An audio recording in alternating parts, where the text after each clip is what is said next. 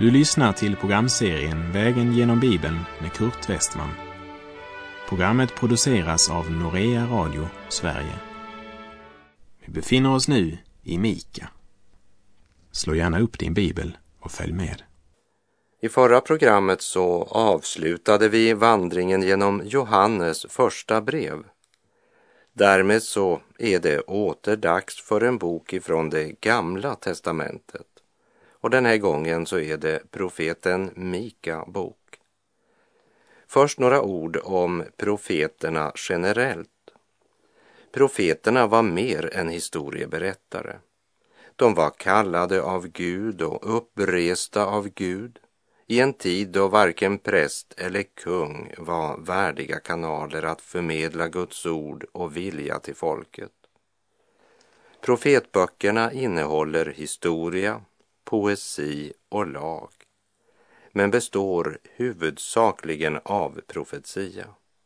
Och alla författarna från Jesaja till Malaki är Guds utvalda profeter och därför bör också vi lyssna eftersom de har något att säga också till oss som lever idag. Man har i senare tid gjort en konstlad indelning av profeterna genom att kalla dem för de stora profeterna och för de små profeterna.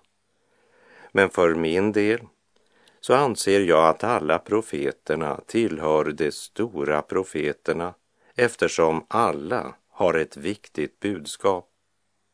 Dessa profeter talade inte bara om sånt som skulle komma i en avlägsen framtid.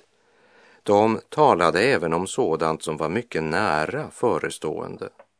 Och de var tvungna att tala på det sättet för att kvalificera sig själva och sin profetiska gärning för Gud efter de regler som gällde under lagens hushållning. Och regler och normer för präster, kungar och profeter finner vi i femte Mosebok.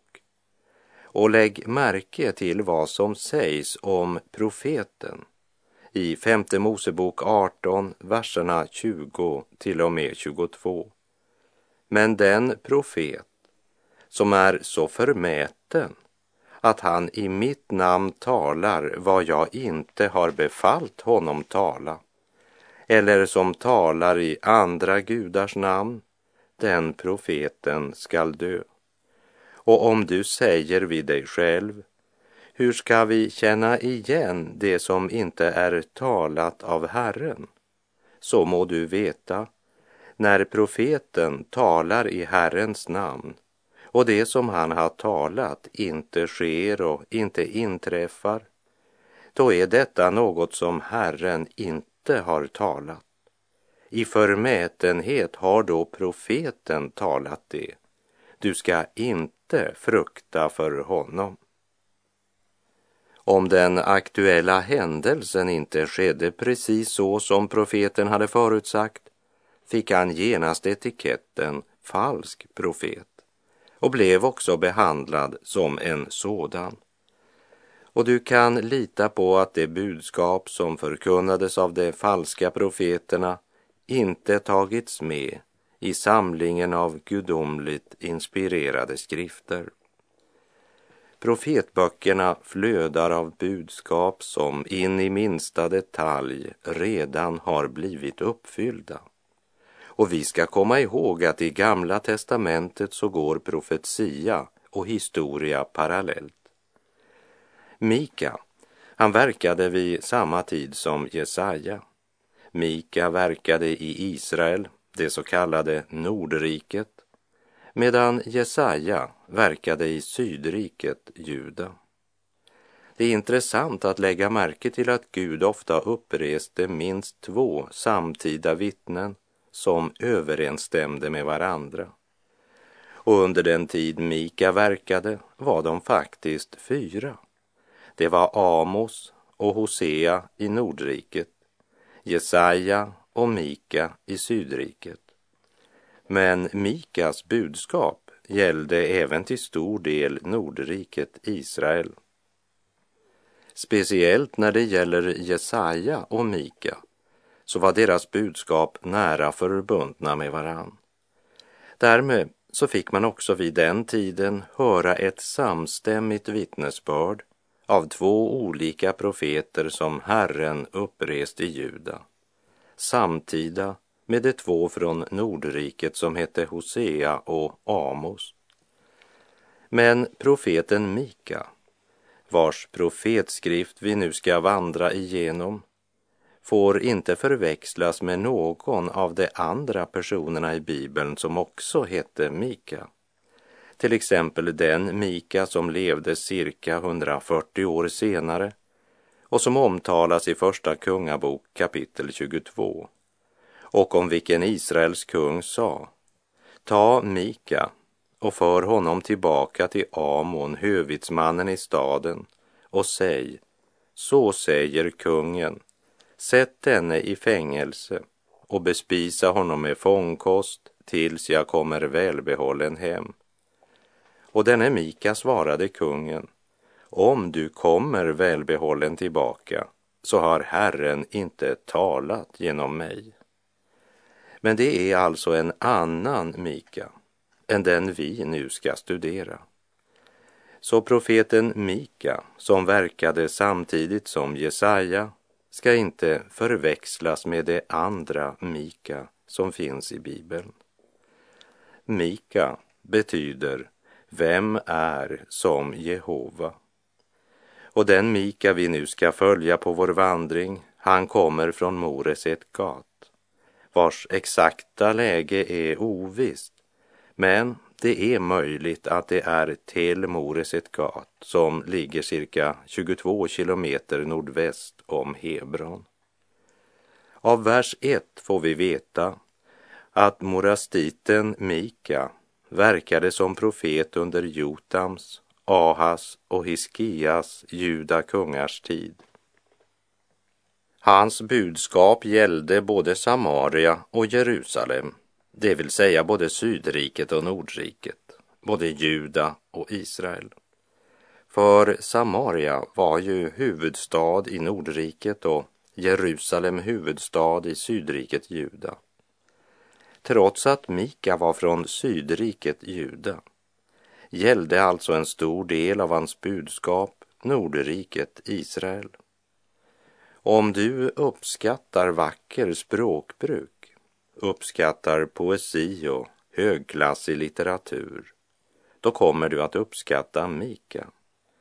Hans högst personliga sätt att skriva, kraftfullt, engagerande, så skarpsinnigt och samtidigt så innerligt och varmt. Han skriver som en reporter och han skulle ha blivit en både god och objektiv krigskorrespondent. Och de finns det ju inte så många av idag.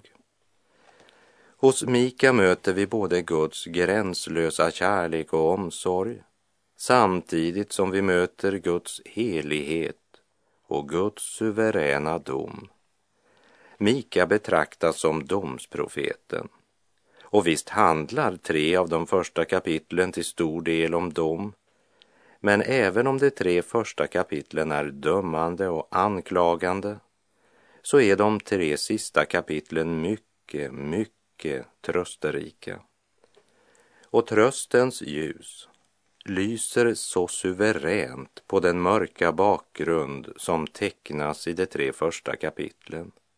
Och Mikas stora fråga finner vi i ett av Bibelns mest underbara avsnitt där Mika säger Vem är en Gud som du?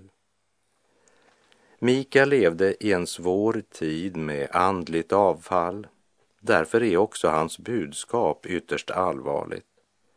Han tjänar den helige Gud som dömer synden, men är barmhärtig mot den syndare som vänder om och söker Herren. Framför allt uttalade Mika Guds dom över alla dem som på olika sätt förtryckte eller utnyttjade det svaga. Han anklagade folkets ledare för deras grymma hjärtelag och deras girighet. Mika svängde Herrens svärd med suverän precision. Innan vi vandrar genom profeten Mika bok vill jag bara nämna att när Ahab, som var kung i Israel, försökte få med sig Josafat, kungen i Juda, i ett fälttåg mot syrierna, då ville Josafat att man först skulle fråga Herren om råd genom profeterna. Hela 400 profeter tillkallades och samtliga utlovade en lycklig utgång av kriget. Alla profeterade seger och triumf. Men kungen i Juda, Josafat, han kände sig inte tillfreds med svaret. Och Ahab blev därmed faktiskt tvungen att även fråga Mika, som han hatade, därför att han brukade inte bara spå seger. Och Mika spådde olycka för Ahab och han talade i klartext om att de andra profeterna, så många det var, var drivna av lögnens ande. Då blev kung Ahab så arg att han genast lät kasta Mika i fängelse. Men Mika profetia, ja, den gick bokstavligen i uppfyllelse. Efter programmets slut så kan du ta dig tid att läsa om den händelsen i Andra krönikerbokens artonde kapitel. Alltså Andra krönikerbokens artonde kapitel.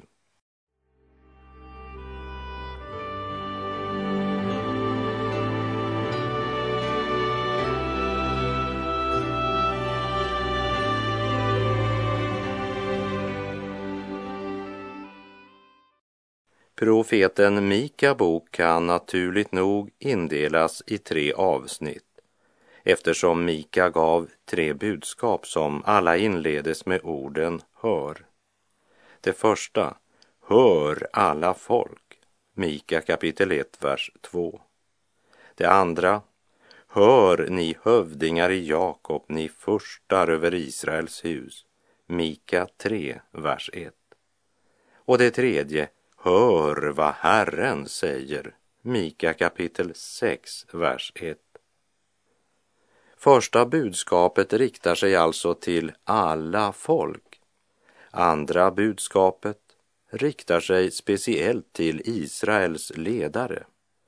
Det tredje budskapet är ett personligt budskap som är en vädjan till Guds folk att omvända sig och återvända till Gud. Men det första budskapet är ett budskap som förkunnar att det väntar en dom därför att man övergivit Herren och lever i synd.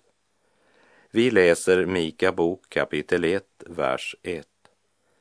Herrens ord kom till morastiten Mika vid den tid då Jotam, Ahas och Hiskeas var kungar i Juda det han skådade angående Samaria och Jerusalem. Samaria var alltså Nordrikets huvudstad, ursprungligen byggd av Israels kung Omri. Staden var ett centrum för avgudstyrkan och blev än mera känd eller ökänd genom Ahab och Isabel som byggde ett Balstempel i Samaria. Och dagens ruiner vittnar om hur exakt profetian till Mika var när det gällde Samaria. Mika kallas morastit, vilket låter oss veta att han tillhörde invånarna i Moreset Gat, en stad som låg sydväst om Jerusalem i riktning mot Hebron. Trots att Mika bodde i sydriket Juda gällde det mesta av hans budskap Nordriket Israel. Något som jag har undrat över en hel del.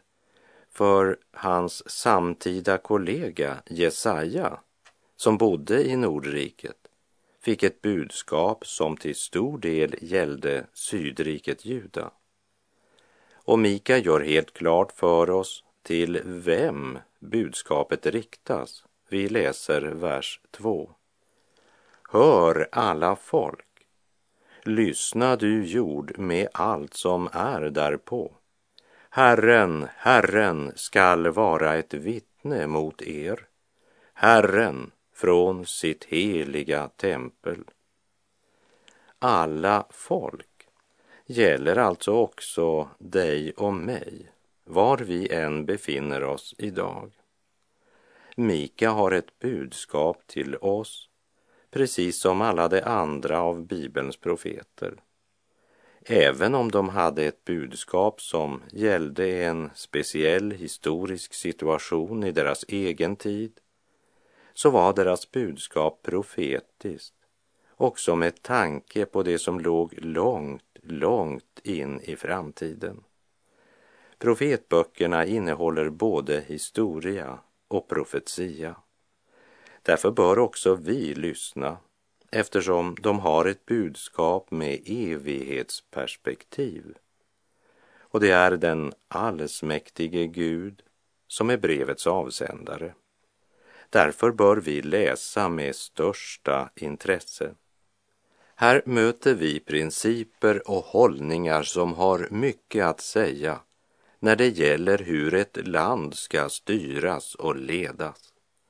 Så Mika bok, det borde vara aktuell läsning både för socialdemokrater, moderater, folkpartister, centerpartister och alla andra partister oberoende av politisk kulör eller sammansättning.